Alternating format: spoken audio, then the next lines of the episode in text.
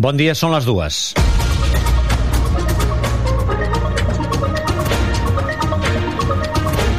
Notícies en xarxa migdia, amb Jordi Casino. Catalunya tanca el novembre amb un tímid eh, repunt de l'atur i una lleugera caiguda de l'afiliació. Tot i això, el nombre de persones sense feina baixa en, en relació amb ara fa un any i el nombre de desocupats se situa a nivells del 2007. Al conjunt de l'Estat, el resultat ha estat millor que Catalunya i el penúltim mes de l'any s'ha tancat amb una caiguda de l'atur de gairebé un punt. Enric Vinaixa és el secretari de Treball del Govern. L'evolució, sempre hem de parlar de l'evolució, i més quan estem ja en, en un mes de novembre, l'evolució que portem d'aquest 2023 insisteixo, eh, són més de 9.000 persones menys a l'atur i el comportament de l'ocupació amb 95.000 afiliacions més eh, respecte a l'any passat. Per tant, són dades positives. És dilluns 4 de desembre de 2023 i tenim més titulars. Les agències de viatges preveuen tancar el 2023 amb registres de rècord Montsidalgo. I això malgrat que els preus són entre un 20 i un 25% més alts que fa un any.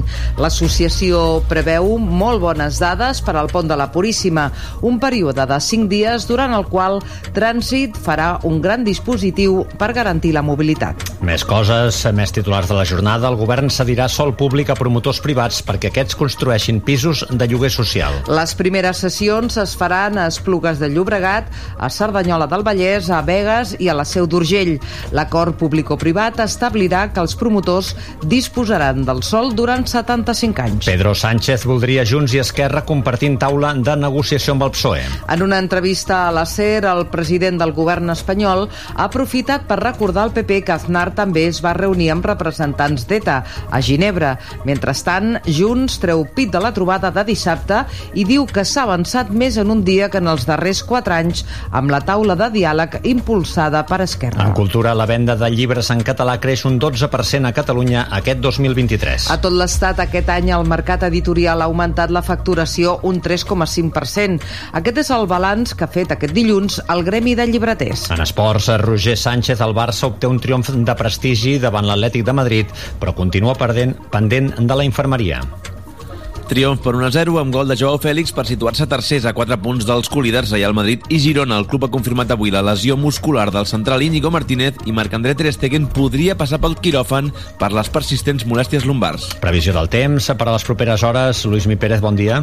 Bon dia. Aquest dilluns ha començat amb molts núvols a gran part de Catalunya. Fins i tot s'ha escapat algun plogim o també alguna nevada al nord de Lleida, però aquests núvols s'han anat trencant i a hores d'ara les clarianes sovintegen a gran part del país. De fet, el que queda aquest dilluns en gran mesura continuarà el cel més aviat destapat, s'anirà reforçant el vent aquesta tarda a les comarques de Tarragona i el que ha estat bufant de Ponent en el cas de Girona anirà a menys, una mica de mar remenada. També, al llarg de la tarda i de vespre, els núvols s'han de tornar a fer més gruixuts al nord de Lleida i al nord de Girona. De fet, aquesta nit i matinada nevarà al Pirineu per damunt dels 1.000-1.100 metres i també tindrem alguns ruixats a les comarques gironines, arribant fins al Vallès Oriental i fins al Maresme, aquest vespre i nit fins i tot amb alguna nevadeta cap al Montseny. El dimarts despertarem amb aquests núvols allà, al nord-est del país, i el que farà és força vent el dimarts, sobretot a les comarques de Tarragona. Us seguirem a la xarxa. N'estarem pendents. El control de so Ivan López a la redacció Montse Hidalgo, coordinant Sònia Kerr. Passen 4 minuts de les dues.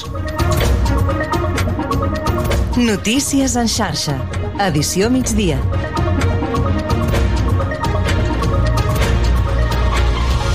És la nostra portada d'aquest dilluns. Catalunya tanca el novembre amb un tímid repunt de 214 registrats a l'atur i una lleugera caiguda de l'afiliació.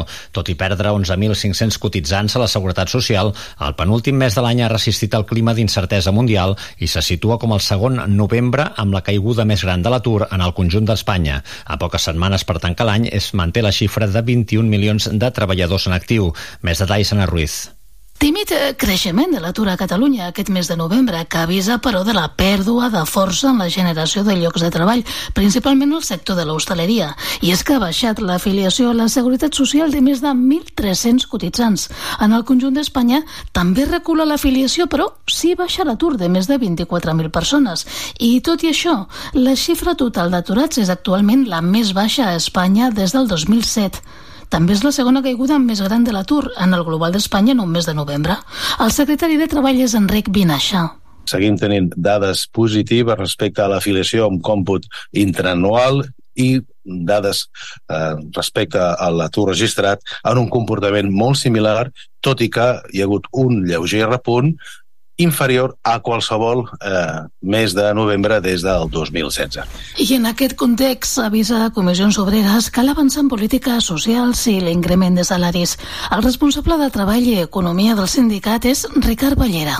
Hi ha hagut un impacte molt positiu de la reforma laboral perquè fa el volum de l'ocupació, però a mesura que es va um, traslladant els efectes de les polítiques d'increment de, de la inflació, d'increment dels tipus d'interès, el que calen són eh, més salaris. A poques setmanes per tancar el 2023 sembla difícil aconseguir superar els 21 milions de treballadors en actiu, però es ratllarà aquesta xifra màgica. Ara hi ha mig milió més de cotitzants que fa un any i gairebé dos milions més que abans que esclatés la pandèmia del 2020. Gràcies a dades de, dades de l'atur que han coincidit per ser amb la confirmació que Telefònica proposa als sindicats un expedient de regulació d'ocupació que afectarà 5.100 treballadors, gairebé un terç de la plantilla. Un ERO que tindrà incidència en tots els centres de treball i comunitats autònomes, segons ha informat la UGT, el sindicat majoritari a l'empresa, després que es constituïssin les meses de negociació. Doncs ERO de Telefònica banda, les bones dades del mercat laboral que segueix resistint, com dèiem molt bé, la crisi derivada de les guerres i els increments de preus es reflecteixen també en les agències de viatges.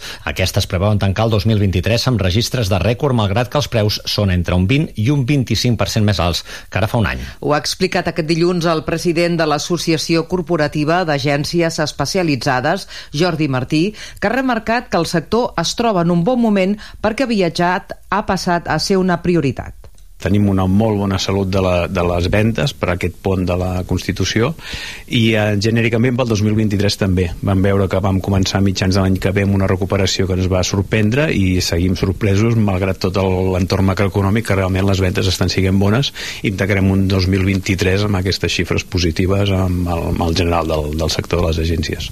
Segons una enquesta de la patronal, entre els seus associats, 9 de cada 10 agències han superat les reserves de fa un any i un terç afirma estar per sobre dels registres del 2019. En la mateixa línia, el turisme rural també afronta amb optimisme el pont. Els pronòstics apunten a una ocupació que pot arribar a fregar el 90%. En declaracions al Notícies en xarxa, Carles Barcons, que és el president de Turalcat, la Confederació de Turisme Rural i l'Agroturisme, ha lamentat, però, que la meteorologia no acompanyi. Bones, però tampoc tan bones, perquè és que ens falta aigua, ens falta una miqueta de neu, ens falta una miqueta de, de vidilla.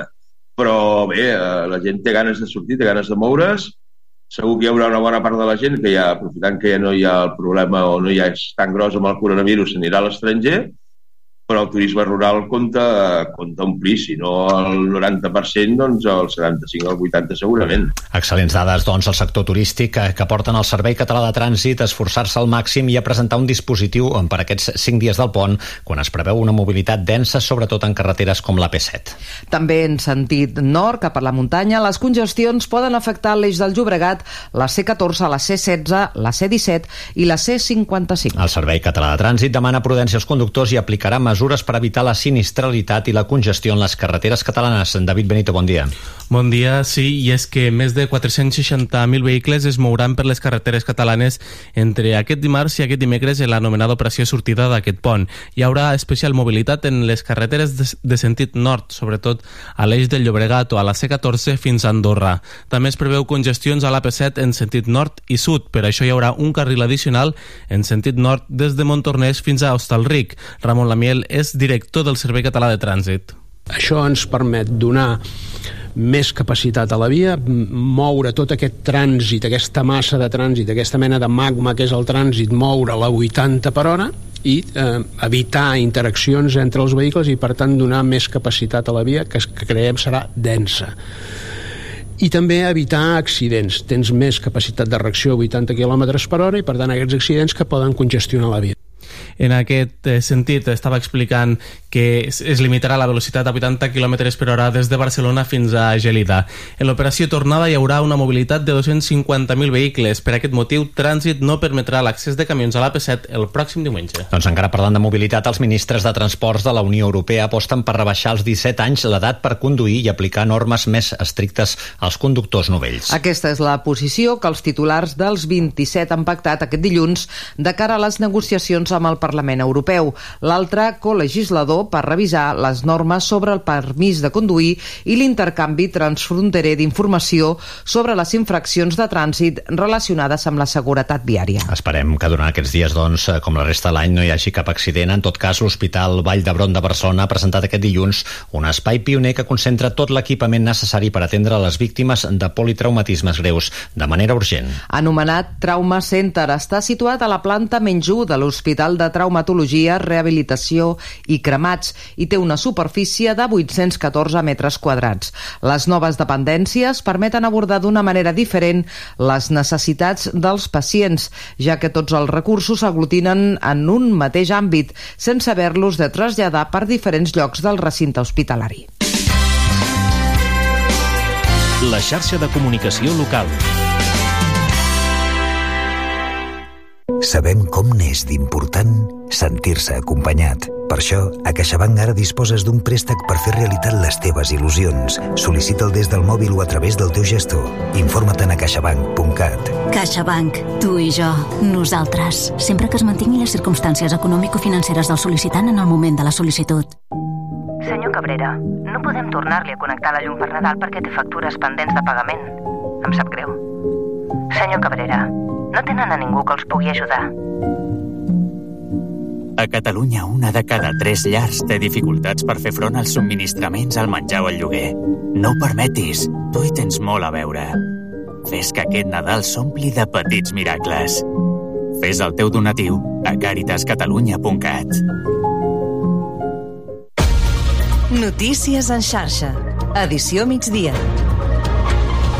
3 minuts i un quart de 3. Titular també de la jornada, el govern cedirà diverses parcel·les de sol públic a promotors privats eh, perquè aquests construeixin un miler de pisos de lloguer social abans del 2026. Les primeres sessions es faran a Cerdanyola del Vallès, a Vegas, a la Seu d'Urgell i també a Esplugues de Llobregat, on s'ha presentat el projecte ETB Josep Cullell.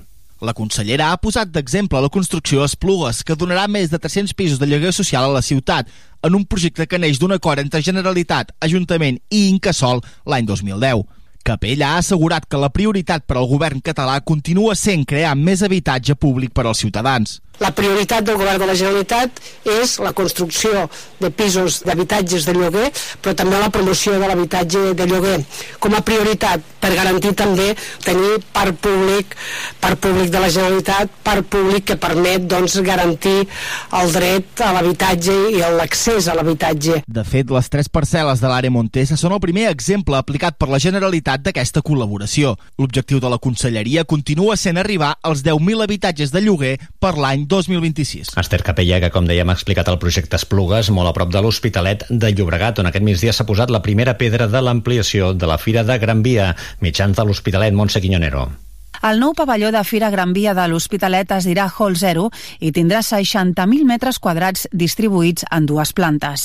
Permetrà que Fira Gran Via creixi fins als 300.000 metres quadrats i pugui així competir amb els equipaments firals més importants de tot el món per atraure nous salons o bé acollir diversos certàmens simultanis. Escoltem el president de la Generalitat, Pere Aragonès, durant l'acte de col·locació de la primera pedra d'avui. Permetrà doncs, que congressos i fires que avui s'estan doncs, celebrant en altres ciutats d'arreu del món i congressos i fires que avui encara estan doncs, en, en la imaginació i que encara no són una realitat de nous sectors que seran pautadors del futur dels propers anys de Catalunya i del conjunt del planeta es puguin localitzar a Barcelona, es puguin localitzar a Catalunya. L'edifici es preveu que finalitzi el 2026.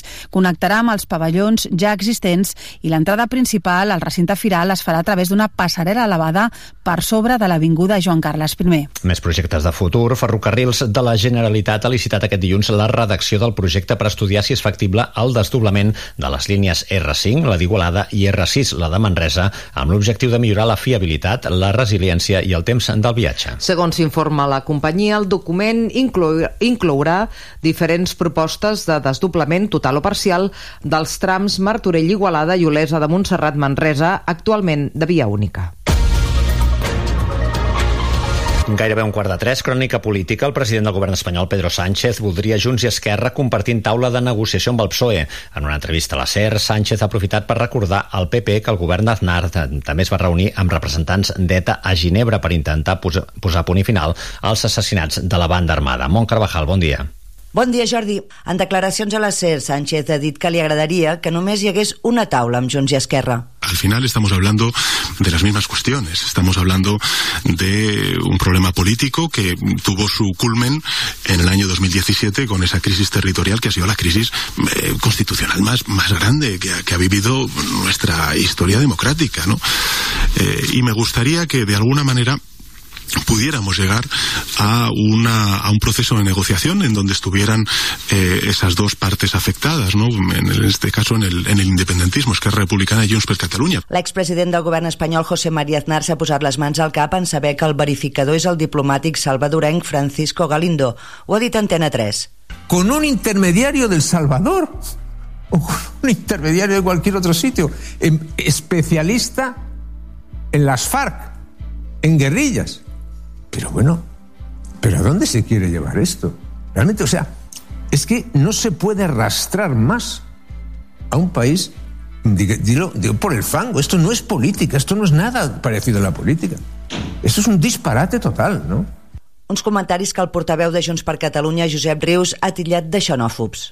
És normal que al PP li molesti la figura del mediador perquè internacionalitza aquest conflicte polític entre Catalunya i Espanya, però desqualificar una persona per raó del seu origen és xenofòbia. Rius ha assegurat que gràcies al seu partit s'ha avançat més en un mes en les negociacions amb el PSOE que amb quatre anys de la taula de diàleg d'Esquerra. Enmig d'aquest escenari polític, per cert, el secretari general de Vox, Ignacio Garriga, ha anunciat aquest dilluns que la seva formació trenca relacions amb la direcció del PP, però no en l'àmbit autonòmic ni municipal, de manera que no trencarà cap pacte en actiu. Garriga ha acusat els populars d'atacar i menys tenir Vox i pactar amb el PSOE i sumar les presidències de les comissions del Congrés. I la Generalitat, per cert, prepara una rebaixa de l'IR l'IRPF per a 2,6 milions de contribuents. La rebaixa fiscal es planteja de cara a l'any vinent en el marc de la llei d'acompanyament dels pressupostos i és una reducció d'un punt del primer tram de tributació del 10,5 al 9,5%. La mesura beneficiaria els ciutadans amb rendes anuals iguals o inferiors a 33.000 euros. La implementació d'aquesta reducció en el tram autonòmic de l'IRPF situaria Catalunya en la mitjana estatal i està condicionada a l'aprovació dels comptes catalans. Passen dos minuts i mig d'un quart de tres, recollim ara d'altres notícies que ens deixa la jornada. I comencem a Girona, on l'Ajuntament porta aprovació del ple un pressupost de gairebé 149 milions d'euros per al 2024, amb 5,6 milions per a inversions. L'alcalde de la ciutat destaca les partides per a compra de terrenys o d'immobles per incrementar el parc públic d'habitatge. Pau Villafanya, Girona FM.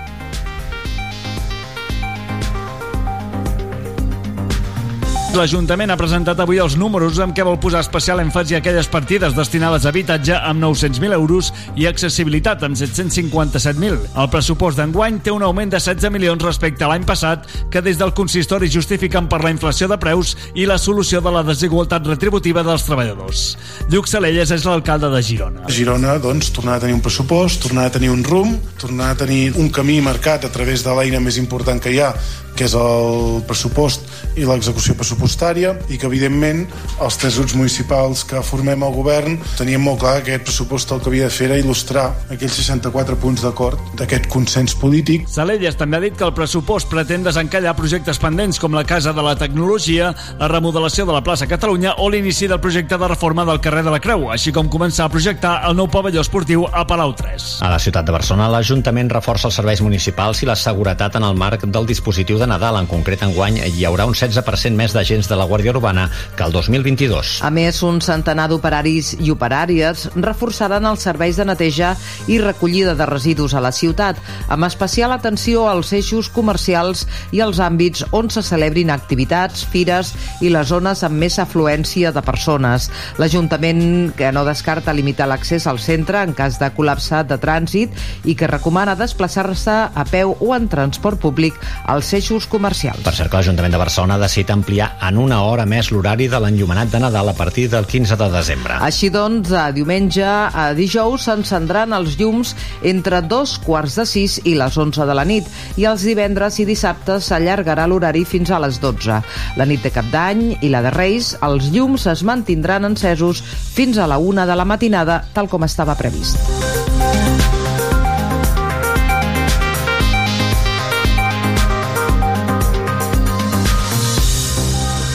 Passen 5 minuts d'un quart de 3, moment per la cultura.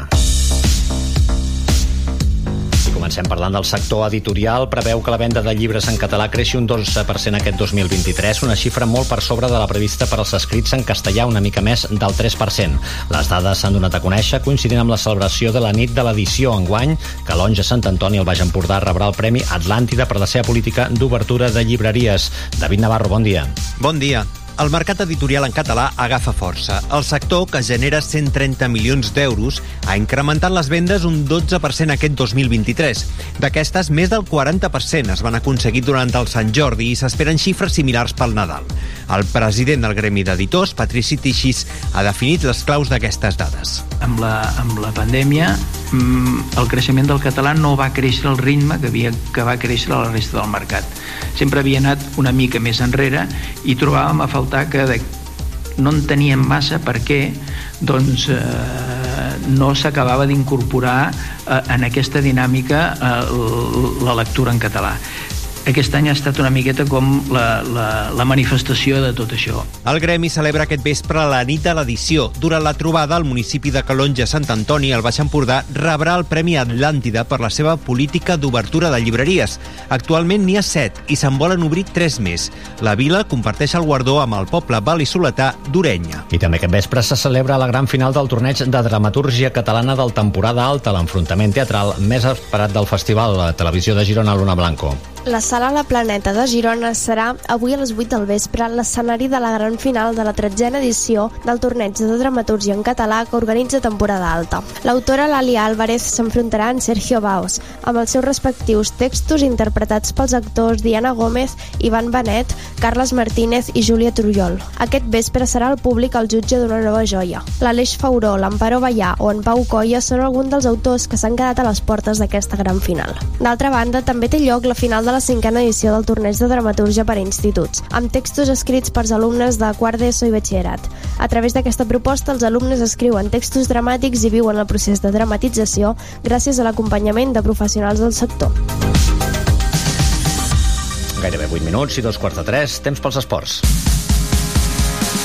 I pel nostre company Roger Sánchez. Roger, bon dia. Bon dia, el Barça agafava moral aquest diumenge després de derrotar l'Atlètic de Madrid 1-0 amb gol de Joao Fèlix. Els blaugranes se situen tercers a 4 punts dels colíders Real Madrid i Girona. Diumenge vinent, el conjunt gironí visita Montjuïc. El tècnic Xavi Hernández estava molt satisfet amb el treball de l'equip. L'equip ha estat d'excel·lent, de, diria jo, no? en molts aspectes, en duels, en agressivitat, la pressió alta, hem recuperat moltíssimes pilotes a camp contrari, la pressió rere pèrdua ha sigut boníssima, eh, la circulació ha sigut bona, els jugadors de dins s'han entès molt bé, Gundogan, Pedri, Frenkie, eh, el treball dels de davant ha sigut molt bo, bé, la línia defensiva, i al final jo crec que l'únic que ha fallat ha sigut l'efectivitat. El Barça ha confirmat aquest dilluns la lesió d'Iñigo Martínez. El central basc pateix una lesió muscular al bíceps femoral de la cuixa dreta i serà baixa els propers partits. Pel que fa a Marc-André Ter Stegen, les properes proves el porter alemany seran clau per valorar si ha de passar pel quiròfan. Recordem que les molèsties lumbars han impedit a Ter Stegen participar als darrers tres partits. Repassem la resta de lligues de futbol. A segona divisió, l'Espanyol continua en places de playoff d'ascens a primera, per ara a un punt dels llocs d'ascens directe, i a la primera federació, la tercera categoria masculina estatal, molt molt mala jornada per als quatre equips catalans, empat del Cornellà i derrotes del Barça Atlètic, que continua en play-off, del Nàstic i del Sabadell, que és QE, a 8 punts de la permanència. Ràdio Sabadell, Pau Vituri. Un altre cop dur per un equip que no aixeca el cap. Tot i això, Cano no perd l'esperança. Lo único que puedo decir es que vamos a seguir eh, pues eso, esforzándonos en el día a día y que por supuesto con los puntos que quedan de aquí en, hasta final de, competición hay tiempo más que suficiente como para salvar la categoría, ¿no? Y, bueno, yo soy una persona que suele relativizar lo que ocurre, sobre todo cuando aquello que ocurre sí que es verdad que tiene un impacto, pero no tiene un impacto definitivo, es decir, lo que ha ocurrido hoy no es lo que va a ocurrir siempre en primer lugar, ni este resultado nos desciende, ¿no? Si no, pues nos tendríamos que ir mañana. Cert és que el camí cada cop fa més només queden dos partits per acabar l'any. L'últim a casa serà dissabte a les 6 contra un Unionistes que va superar el Nàstic per 2 a 0 i està 10 punts per sobre del Sabadell. A la Lliga CB de bàsquet, bona jornada per als catalans amb tres victòries. El Girona és setè en places d'accés a Copa i el Barça continua a dos triomfs del Madrid després de superar el Granada al Palau 80 a 69. L'entrenador blaugrana Roger Grimau valorava el triomf. Jo crec que hi ha partits que et deixen pitjors sensacions del que realment és i a vegades el contrari, hi ha partits que tens unes sensacions eh, acollonants i el partit no és per tant. Jo crec que avui és un d'aquests dies que les sensacions potser ens deixen una miqueta així, però realment no ha sigut tan mal partit com, com es pot pensar. La penya superava tot un equip d'Eurolliga, el Bascònia, i queda empatat a victòries amb el Tenerife, que obre les places de Copa. Carles Duran és l'entrenador del Joventut de Badalona.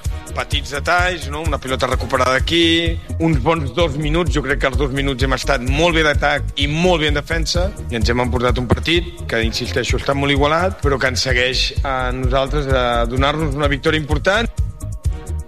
A la Lliga Femenina Endesa guanyaven el Cadí la Seu i l'Espar Girona, que és quart classificat d'aquesta categoria. I aquest vespre arrenca Olot l'europeu femení d'hoquei patins. La selecció espanyola i buscarà el setè títol continental consecutiu. A dos quarts de, nou, de vuit, el, a dos quarts de nou, volem dir, el combinat estatal debutarà contra Portugal. Aina Florenza i Anna Casarramona són dues de les vuit jugadores catalanes del combinat estatal. Crec que també fa anys que algunes ja juguem juntes dins de la selecció i que ara mateix eh, estem treballant molt bé i, i millorant cada dia. Perquè com que en el hockey hi ha un any europeu, un any mundial, fa just un any ja vam jugar doncs, eh, contra Itàlia, a Portugal, bueno, són seleccions que, que ens anem creuant cada any, ens coneixem tant, tant nosaltres a elles com elles a nosaltres. Dijous es jugaran els quarts de final, divendres les semifinals i la gran final serà a Olot, òbviament, dissabte, dia 9 de desembre. N'estarem molt pendents i us ho anirem explicant. Gràcies a Roger per l'última hora dels esports, una mica més de 3 minuts i arribem a dos quarts de 3. Nosaltres fem ara una pausa, però tornem de seguida amb més actualitat. Fins ara.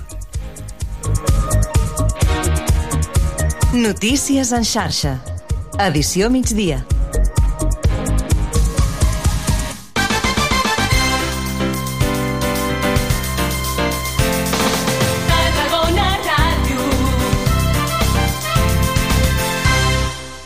Per estalviar la teva factura de la llum, tot compta. Com canviar-se a Endesa, que et dona estalvi permanent amb un 20% de descompte en el teu consum de llum.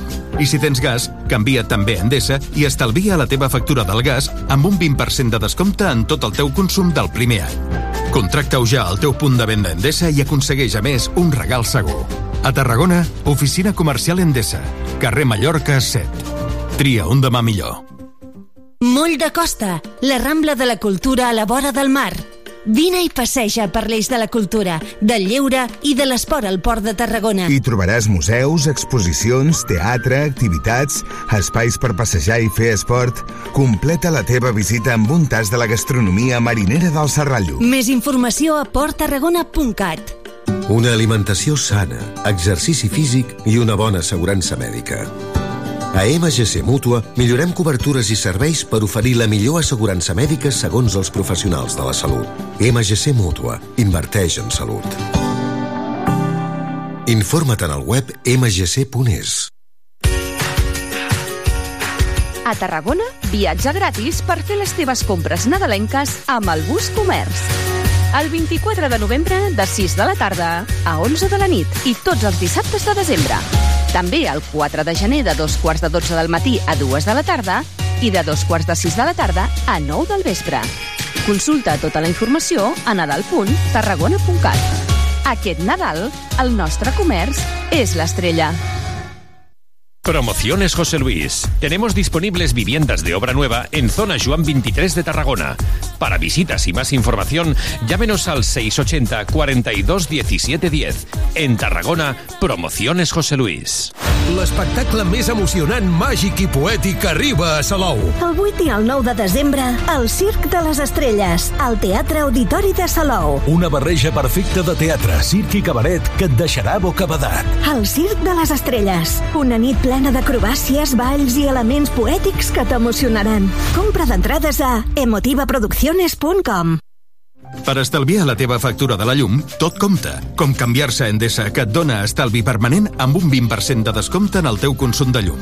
I si tens gas, canvia també a Endesa i estalvia la teva factura del gas amb un 20% de descompte en tot el teu consum del primer any. Contracta-ho ja al teu punt de venda Endesa i aconsegueix, a més, un regal segur. A Tarragona, Tessècnia, Avinguda Pau Casals 12. Tria un demà millor.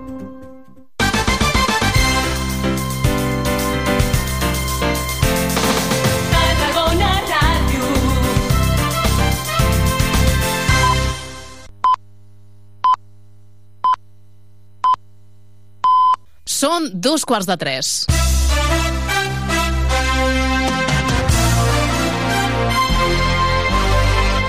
Tarragona Actualitat.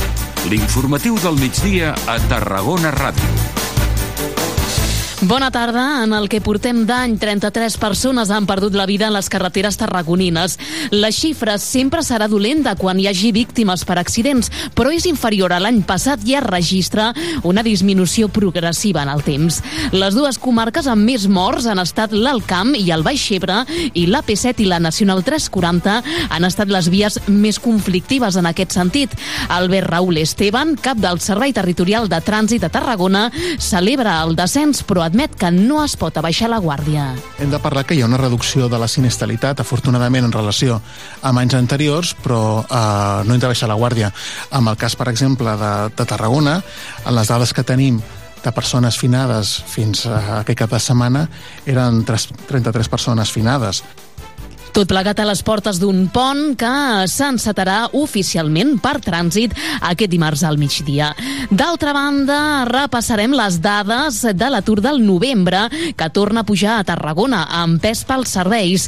I de la crònica cultural ens fem ressò dels 10 anys de la recuperació del cant de la Sibila.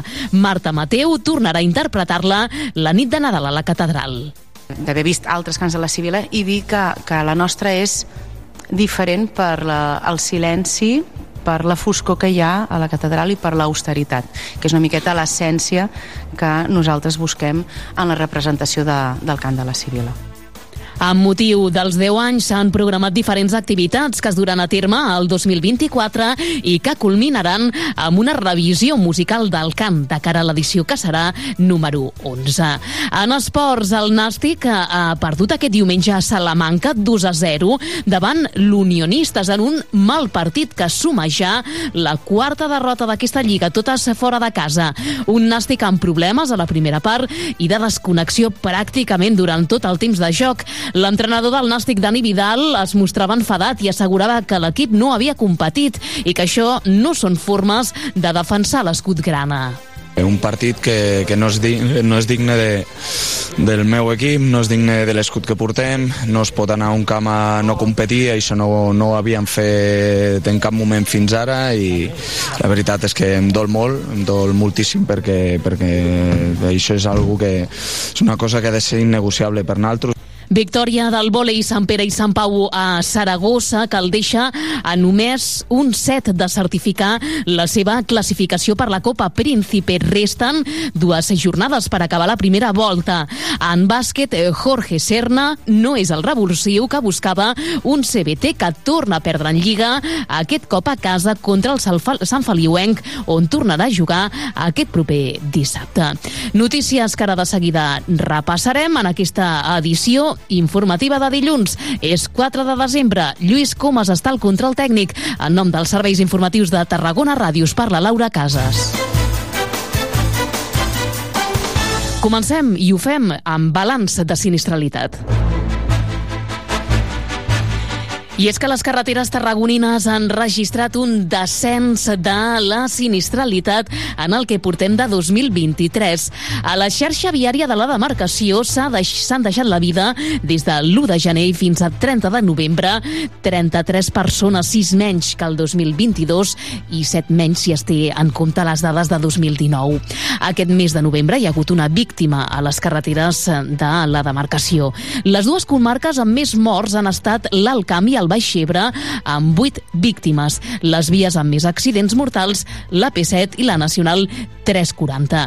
En general, a Catalunya, aquest 2023 i respecte al 2019, any de referència per al compliment dels objectius de reducció de la sinistralitat, s'està registrant una reducció del 17% pel que fa a víctimes mortals i del 18% pel que fa als accidents, que ja que es van registrar 167 morts en 154 sinistres. S'ha reduït a la meitat la sinistralitat mortal a l'AP7. Amb 13 morts, és la carretera que acumula més sinistres mortals en el que portem de 2023, tot i que es consolida la reducció de víctimes d'aquesta via respecte a l'any passat, que va ser molt alt. Albert Raúl Esteban, cap del Servei Territorial de Trànsit a Tarragona, celebra aquest descens experimentat hem de parlar que hi ha una reducció de la sinistralitat, afortunadament, en relació amb anys anteriors, però eh, no hem de baixar la guàrdia. Amb el cas, per exemple, de, de Tarragona, en les dades que tenim de persones finades fins a aquest cap de setmana eren 3, 33 persones finades. Això és una reducció respecte d'anys anteriors, però sempre diem no, que fins que no tinguem víctimes zero, el, això seran sempre males bones notícies, la reducció. Pensem que eh, fa uns anys, l'any 2019, vam tenir 40 persones finades. L'any 22, 39, i enguany 33. Aquest dimarts al migdia s'activa l'operació sortida del pont de desembre i la previsió és que la major part dels desplaçaments es facin cap a zones de muntanya o segones residències de costa. Una cosa que estem notant amb els darrers anys és que després de la pandèmia hi ha un augment de la mobilitat és com si eh, tots volguéssim gaudir, no? I de la manera que, que, que gaudim és fent aquests desplaçaments que mm, abans potser estaven més espaiats amb el temps i ara en canvi notem que hi ha més eh, afluència. També val a dir que el temps s'està canviant i això fa que el que abans consideréssim desplaçaments més d'estiu de, de, o més de bon temps es perllonguen amb el temps. Les carreteres amb més volum de trànsit seran l'AP7 i l'AP2 i les que van al Pirineu i a Andorra. I encara en clau de mobilitat, en aquesta primera part de l'informatiu, destaquem que l'empresa municipal de transports ha iniciat aquesta setmana una intervenció tècnica per adequar els carrers de l'entorn de Joan 23 per situar la nova zona verda regulada d'estacionament per residents. Està previst que entri en funcionament al febrer. L'adequació s'inicia aquesta setmana en funció de, del temps i s'incrementaran en 1.125 les places d'aparcament en zona verda a l'entorn de Joan 23. D'altra banda, el nou aparcament dissuasiu al carrer de Guillem Oliver, just darrere l'Escola Tarragona i de l'Hospital, serà una realitat a partir del dimecres 13 de desembre. Amb la seva posada en marxa se sumen 388 places de zona taronja en una hectàrea i mitja de superfície. Durant el primer semestre de l'any 24 també estan previstos els treballs d'adequació de les zones verdes regulades per residents a la Rebassada, a Llevant, la zona de platges i al sector nord. Fem ara una pausa, de seguida tornem. Les notícies a Tarragona Ràdio. Vols participar en l'Amic Invisible més gran del món? Aquest any, dins del Festival Bon Ponent, volem convertir-te en l'estrella del Nadal. Com? Inscriu-te a la web de Centres Cívics del 27 de novembre al 17 de desembre i en uns dies rebràs el nom de la persona que t'ha tocat. Escull un llibre de segona mà que sigui molt especial per tu i vine el dia 29 de desembre a la una del migdia a la Biblioteca Pepita Ferrer per intercanviar el teu llibre amb el teu amic invisible. Qui serà? Serà la germana del teu amic? El veí del quart segona? La fornera del barri? O l'alcalde? La doctora del cap? O el cuiner de la teva escola?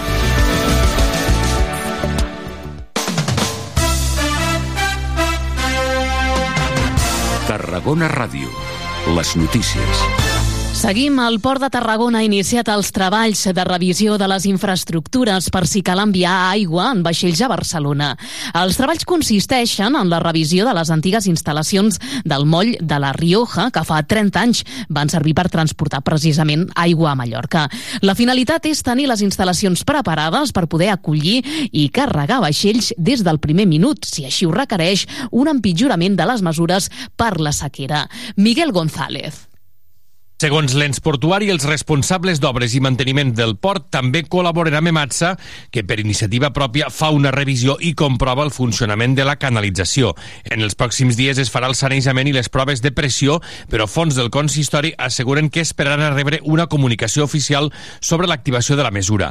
De la seva banda, el govern assegura que el territori no és amo de l'aigua del Consorci d'Aigües de Tarragona, que podria enviar-se en vaixells a Barcelona.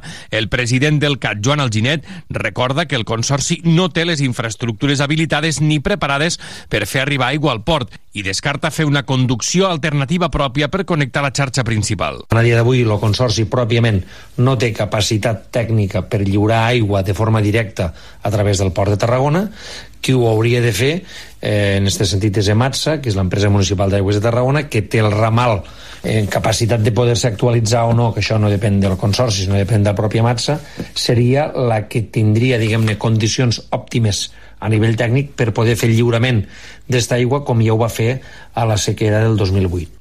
El delegat del govern a les Terres de l'Ebre, Albert Salvador, justifica que el govern tingui sobre la taula l'opció de portar aigua en vaixells des de Tarragona a Barcelona perquè cal preveure totes les mesures si s'agreuja aquesta sequera.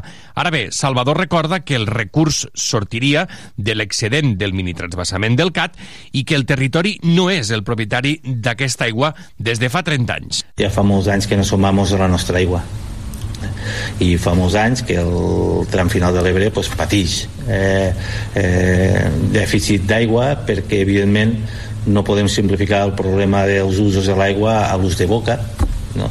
sinó que hi ha molts altres usos. Ús de boca, ús, eh, ús del sector primari que sempre és el primer que acaba patint les conseqüències d'una sequera. La plataforma en defensa de l'Ebre adverteix que els excedents que vendria el CAT s'haurien de treure d'un tram final del riu amb molt dèficit d'aigua i sediments. Adverteixen que el transbassament d'aigua en vaixells no ha funcionat quan s'ha fet servir i que és una opció molt cara. A tot això, el conseller d'Acció Climàtica, David Mascort, ha tornat a defensar l'estratègia de portar aigua en vaixells en cas que sigui necessari i fer-ho des d'on calgui, eh, fins i tot des de Tarragona. Si el meu veí té un problema i jo el puc ajudar, no dubtaria, ha eh, ha Mascort. En una entrevista a Catalunya Ràdio, David Mascort ha explicat que qualsevol mesura que el govern pugui aplicar per fer arribar aigua de boca a les llars serà bona. Preguntat sobre les crítiques que la proposta ha suscitat al territori, ha defensat que no es tracta d'una reforma estructural de les conques, sinó de donar suport a zones que ho necessiten. Sobre l'entrada en emergència, ha dit que els embassaments es mantenen en el 16% i ha reiterat que confia en l'esforç ciutadà per tal d'allargar les reserves. L'atur encadena un altre mes d'increments a Tarragona durant el novembre. Ha pujat un 1% a la demarcació respecte a l'octubre. Per tant, és un creixement més contingut. Actualment hi ha 40.516 tarragonins i tarragonines sense feina i que en busquen. Segons les dades publicades aquest dilluns pel Ministeri de Treball, durant el novembre l'atur ha crescut en 405 persones a les nostres comarques. Un atur que també ha pujat a Girona, però que ha baixat a Barcelona i a Lleida. Això fa que de mitjana a Catalunya hi hagi una estabilització respecte a les dades del mes anterior perquè el repunt ha estat mínim durant el novembre. Per sectors, els serveis sumen 408 nous desocupats a la demarcació. L'atur també puja en 55 persones a la indústria i en 11 a l'agricultura, però baixa en 21 persones a la construcció. Respecte ara fa un any, hi ha un 3,7% menys d'aturats o el que és el mateix. Hi ha 1.560 tarragonins menys que estan apuntats a les llistes del SOC. I a tot això, els ajuntaments de Tarragona i Reus han presentat aquest dilluns el projecte Tech Talent, un programa formatiu adreçat a persones de 18 a 29 anys al voltant del sector de la informàtica. L'objectiu és reorientar la trajectòria professional de joves en situació d'atur. Gio González. Els dos consistoris s'encarregaran de la part d'orientació d'aquest curs, que també compta amb la implicació de Tecma Business School, Fundació Esplai i Cluster TIC Catalunya Sud. La consellera de Promoció Econòmica i Comerç, Montse Adan, destaca el treball en xarxa dels diferents agents per afavorir l'ocupabilitat dels joves i respondre les necessitats de les empreses. Il·lusionats amb aquest eh, projecte singulars de Tech Talent, com dèiem, és un treball en xarxa, que és lo important, cadascú doncs, aportant en, en el que sap i sobretot doncs, orientant no? a aquests 30 joves des dels 19 fins als 29 anys, ho dic bé, des dels 18 fins als 29, perquè realment aconseguim no? aquest programa formatiu eh, dins del sector de la informàtica que realment doncs, recondueixi les seves trajectòries i eh, hi hagi una unió entre la formació i les necessitats que realment hi ha eh, de les empreses i afavorir doncs, aquesta ocupació, en aquest cas, dels joves. La formació disposa de 30 places i conté un programa de 576 hores. Aquesta actuació està promoguda i impulsada pel Servei Públic d'Ocupació de Catalunya.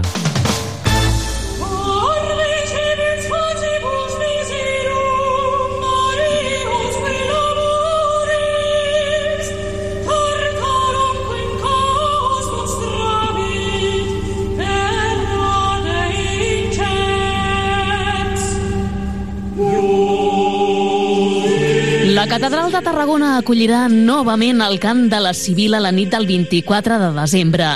Aquest 2023 fa 10 anys que es va recuperar a la ciutat el cant de la Civil que ja s'ha convertit en tradició a Tarragona per aquestes dates. Es tracta d'un drama litúrgic i cant gregorià que es representava a les esglésies del sud d'Europa a l'edat mitjana. Enguany celebra una dècada de la seva recuperació. Ho va fer de la mà de diversos músics en un projecte impulsat per l'agrupació Zona Gralla amb la capella de ministres de la ciutat i el director d'ensemble Obos Omnes, Xavier Pastrana. La soprano Marta Mateu tornarà a interpretar el paper de la Sibila. Ella mateixa ha destacat la singularitat de la representació que es fa a la catedral quan la gent ve, que, que ve de molta, molta gent ve de fora de Tarragona, eh, convidats i, i, i també curiosos, d'haver vist altres cants de la Sibila i dir que, que la nostra és diferent per la, el silenci per la foscor que hi ha a la catedral i per l'austeritat, que és una miqueta l'essència que nosaltres busquem en la representació de, del cant de la Sibila. Durant el 2024, per celebrar els 10 anys, hi haurà xerrades i ponències amb musicòlegs i historiadors per aprofundir en el coneixement del cant. S'editarà un quadern divulgatiu, hi haurà una exposició i també s'anirà a les escoles.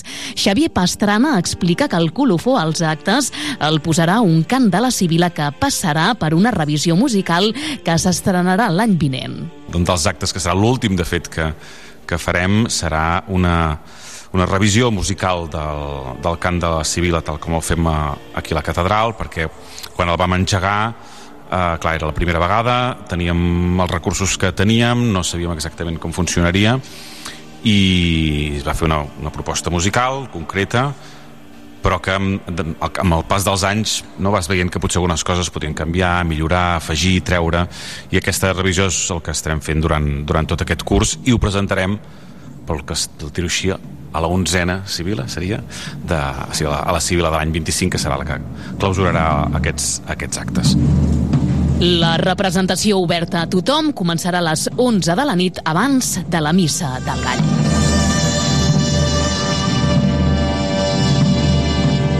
Repassem ara altres notícies. El peix blau de Tarragona ja té la seva pròpia marca. Neix de la mà de l'Organització de Productors Pesquers Catsut Tarragona, que aglutina una desena d'embarcacions de la ciutat, però també de Cambrils i l'Atmetlla de Mar. L'objectiu és posar en valor la qualitat del producte, però a la vegada volen esdevenir interlocutors per tenir veu a les institucions europees, poder garantir la renda dels productors del sector, la pesca sostenible i l'estabilitat dels mercats. Òscar Rillo és el president de l'OPP 92 el que volem és això, no? que, es, donar a conèixer, que es reconegui molt més com es mereix el nostre producte i poder arribar a la gent, que la gent sàpiga que és un producte doncs, que compleix les normatives europees, que ve d'una pesca sostenible i que, com, bueno, com sempre, està a la Peix de Tarragona, però que a més a més tenim l'al·licient aquest de la marca que ens, que ens, que ens dona aquest plus. No?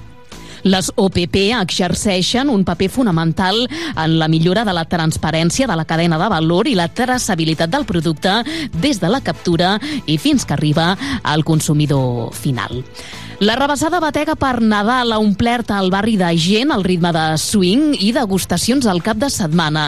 La iniciativa de l'Associació de Comerciants de la Vall de la Rebassada ha estat un èxit, segons valoren els organitzadors, que ja pensen en una segona edició. La poesia floristeria Romeu va impartir també un taller de corones nadalenques mentre tothom ballava a música de swing. Mireia González, la propietària i presidenta de l'Associació dels Comerciants de la Vall, diu que estan molt contents amb la resposta del públic super, super contents des de l'Associació de Comerciants de la Vall de la Rebassada, tant amb la festa que vam fer dissabte com amb la ruta de tapes. A la festa durant el, el matí i migdia van arribar a passar més de 400 persones pels estants, pels espais de degustació i la ruta de tapes, després de parlar amb tots els restauradors, ha sigut un èxit, els ha donat visibilitat tant a la gent que estaven en llocs cèntrics com els que estaven en carrers una miqueta més amagats i realment tothom està supercontent del volum de tapes que ha arribat a vendre i que per ser la primera vegada ha sigut una passada. Per tant, podem dir que ha sigut un èxit, tant una acció com, com la ruta, i que repetirem, sens dubte. I també ha estat un èxit el primer Mama Pop que s'ha fet a Tarragona, més d'un miler de persones i van participar a aquest concert dedicat als musicals que es feia dissabte al Palau Firal i de congressos. El seu director, Manel Simó, ha agraït el suport del públic tarragoní pràcticament ha omplert el, el, el Palau, havia, han assistit al voltant de 1.100 persones, eh, a les quals estem molt agraïts per la seva solidaritat, però sobretot perquè han pogut eh, disfrutar i gaudir d'aquest espectacle que hem fet des del carinyo, des de l'il·lusió, des de la passió tots els beneficis aconseguits es destinaran a la investigació en càncer de mama de l'Institut d'Investigació Sanitària Pere Virgili. La xifra es farà pública en les pròximes setmanes. Fins aquí la informació general, una pausa i de seguida Joan Andreu Pérez amb els esports. Les notícies a Tarragona Ràdio. Per estalviar la teva factura de la llum, tot compta. Com canviar-se a Endesa, que et dona estalvi permanent amb un 20% de descompte en el teu consum de llum. I si tens gas, canvia també a Endesa i estalvia la teva factura del gas amb un 20% de descompte en tot el teu consum del primer any. Contracta-ho ja al teu punt de venda Endesa i aconsegueix, a més, un regal segur. A Tarragona, oficina comercial Endesa, carrer Mallorca 7. Tria un demà millor. Tarragona Ràdio, els esports. Repàs ara de l'actualitat esportiva. Joan Andreu Pérez, què tal? Bona tarda. Bona tarda. Doncs amb el Nàstic, que perdia aquest diumenge a Salamanca per dos gols a zero. Així és, els granes feien segurament el pitjor partit de la temporada, almenys la primera eh, part eh, l'equip grana no va mm, aparèixer sobre el terreny de joc i fruit d'aquesta actitud a la gespa del camp de l'Unionistes l'equip se n'anava al vestidor amb un 2-0 eh, desfavorable. Una llosa que no va saber superar el conjunt de Dani Vidal. Un tècnic en acabar el partit es mostrava així d'autocrític eh, davant la imatge que havien donat. Un partit que, que no, és di, no és digne de, del meu equip, no és digne de l'escut que portem, no es pot anar a un camp a no competir, això no, no ho havíem fet en cap moment fins ara i la veritat és que em dol molt, em dol moltíssim perquè, perquè això és algo que és una cosa que ha de ser innegociable per naltros perquè per a res anem sobrats a la categoria i el que no podem fer és llençar la primera part com ho hem fet. Els grans que van a la novena posició ja esperant l'encontre contra el Tarazona per recuperar sensacions. En la línia de l'entrenador del Nàstic de Tarragona s'expressaven dos futbolistes del conjunt grana, un d'ells el capità, Joan Oriol. Pues sí, té raó el míster al final. Ara la plantilla pues, dins del vestuari pues, també ho hem reconegut, no? al final és el pitjor partit del Nàstic, no hem donat la, la cara, eh, no hem entrat bé al, al partit i han sigut superiors i no, no, no ens hem sentit bé en cap, en cap moment no? llavors no és el nàstic que, que volem veure sinó és el de la setmana passada i a partir de demà pensar ja en una nova setmana i saber que aquest nàstic si no competeix i iguala o supera els, els nivells d'intensitat dels altres equips eh, pues és un nàstic normal no? llavors això és el que hem d'aprendre hem de corregir que si no som un equip normal, normalet i ja està, eh, al final estem dolguts per la imatge que, que hem donat. En la mateixa línia s'expressava un futbolista que tornava a jugar contra l'Unionistes, on va anar cedit la temporada passada justament procedent del Nàstic de Tarragona. És el cas d'Òscar Sanz, eh, que parlava de tractar de millorar eh, la versió que es va donar ahir al camp de l'Unionistes ja de forma immediata en el següent partit a casa. Sí, la verdad que aparte de que nos ha costado entrar en el partido, eh, no hemos estado finos, eh, es uno de esos días que no, no puedes sacar nada bueno, pero no queda otra que, mirar hacia adelante y, sacar los dos partidos que quedan antes del parón. Está claro, lo más, los máximos responsables somos nosotros, hemos trabajado esta semana para, para sacar el partido adelante y está claro que, no hemos hecho lo que, lo que nos tocaba y ya te digo, eh son días pues bueno, entre hoy y mañana de asumir cada uno lo que toca, de dar un paso adelante y encarar el siguiente de partido eh, a sacar los tres puntos como sea. Per tant, eh, la derrota del conjunt que el situa com a nové, malgrat que amb diferència de punts encara està a tocar dels equips que lluitarien per pujar l'any que ve a la segona divisió A. Proper partit dels Granes, diumenge a les 5 de la tarda contra el Tarazona, un dels equips que es troba a la zona baixa de la classificació d'aquesta primera federació. L'efecte Jorge Serna com a nou entrenador del CBD tampoc dona resultats positius per l'equip de l'Ep Plata. Aquest dissabte els blaus que jugaven a casa contra el Sant Feluent perdien 69-78. Es va donar una molt bona imatge durant els primers minuts de joc on els locals, la majoria de van estar per davant al electrònic. Amb tot, com és habitual, la situació va variar després del descans de ballada en el joc un fet que el va aprofitar un rival molt encertat en els moments claus en el llançament exterior.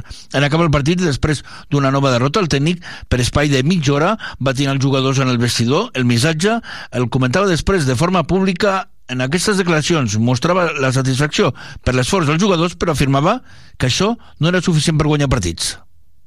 Un poquito agridulce porque creo que el equipo se ha esforzado, ha dado el máximo Eh, no tengo ningún tipo de reproche respecto a las ganas y a la motivación e ilusión por intentar ganar, pero está claro que no, que no ha sido suficiente. ¿no? Con eso, o sea, solo con la intensidad y solo con...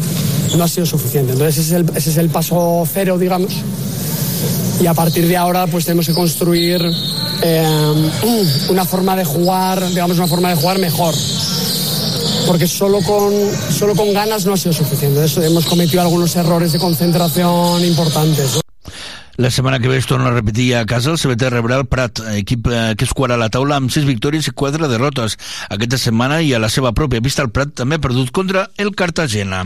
I en voleí, el Sant Pere Sant Bau ha guanyat a la pista del Zaragoza i li resta un set per classificar-se de forma matemàtica per la Copa Príncipe. Els vermells van desplegar el seu habitat potencial en el joc i només van relaxar-se eh, i cedir en el 3-7. Van superar a un rival, l'Aragonès, per 1 3, molt segurs com locals i on només havien havien cedit en un partit del que es porta de Lliga l'entrenador dels vermells, Vlado Stoboski, amb els eh, peus a terra, tot i l'espectacular temporada, destaca el treball de l'equip i apunta les claus per superar el Zaragoza en el duel d'aquest dissabte a la nit. Sabíamos que iba a ser un partido complicado porque Zaragoza en su campo ha perdido solo un partido y el ambiente que hay aquí en el pabellón es espectacular. Así que contentos por la victoria y cómo hemos resuelto el partido, quitando el tercer set donde nos hemos relajado después de 2-0 y hemos entrado en una dinámica negativa. Así que felicidades a los chicos de trabajo y cómo hemos jugado en este partido. Todo el tercer set donde nuestro cambio de saque no ha funcionado bien, el resto del partido ha estado un nivel muy alto. Así que a seguir adelante. Nos quedan dos partidos para acabar la, la primera vuelta y, y disfrutar. Ara resten dos únics partits en el primer aquest eh, proper dissabte contra el tercer de la Lliga. El Xati va a casa, es tanca la primera volta de l'any contra el Barça. Seran els dos partits, per tant, que resten abans d'arribar al final d'any. I un darrer apunt de bàsquet. El TGN cau a la pista del Cerdanyola 58-51 en un uh, compromís de dues cares. S'ha viscut un primer temps on les de la nostra ciutat no van mostrar la seva millor versió i cap sortides del vestidor i un cop sortides del vestidor ja van tenir el joc de les últimes setmanes, sobretot amb la intensitat defensiva que li van permetre al conjunt i l'encadenar victòries seguides setmanes enrere. Ahir van estar poc de, de seguir amb la línia positiva, però van acabar perdent. Un revés, el que van tenir les tarragonines amb la baixa de la capitana Laura Pasqual, que per una grip ja s'havia perdut tots els entrenaments de la setmana. Israel Esteve feia la valoració del partit de l'equip molt diferenciat entre el primer i segon període. Bueno, un partit que ha tingut dues fases diferenciades, hem fet una primera part molt erràtica i bueno, la segona hem recuperat i hem pogut tenir el partit. Uh, bueno, era un partit complicat i sobretot bueno, uh, pues hem tingut una altra baixa més que és Pascu perquè ha estat tota la setmana en grip i bueno, pues s'ha notat que no hi era perquè ens dona molta tranquil·litat en alguns moments. El següent partit del TGN a la Supercopa serà diumenge 17 a les 7 al Palau d'Esports Catalunya. Les notícies a Tarragona Ràdio. Agència Estatal de Meteorologia, Ivan Álvarez, bona tarda. Bona tarda. Avui la província de Barcelona es preveu que les eh, precipitacions cessin i que ens quedi un cel eh, poc ennuvolat. El vent bufarà en punts eh, del litoral i les temperatures aniran en ascens. Arribarem de màxima als 19 graus a Tarragona, 18 a Tortosa o 15 a Gandesa. De cara a demà dimarts seguirem amb el cel poc ennuvolat, sense esperar precipitacions, amb el vent que bufaria d'intensitat forta, sobretot la primera meitat del dia i que podria donar ràfegues eh, molt fortes a la meitat sud de la província i les temperatures que aniran en lleuger descens tornen a baixar. Arribarem de màxima als 17 graus a Tarragona, 15 a Tortosa i 12 a Gandesa. És una informació de l'Agència Estatal de Meteorologia. Ens acomiadem. Aquí ho deixem nosaltres. Recordin que la informació segueix i la trobaran a tarragonaradio.cat. Que vagi bé.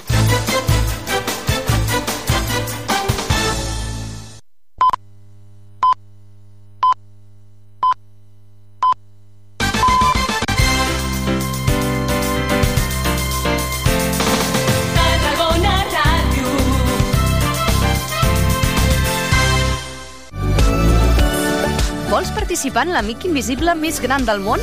Aquest any, dins del Festival Bon Ponent,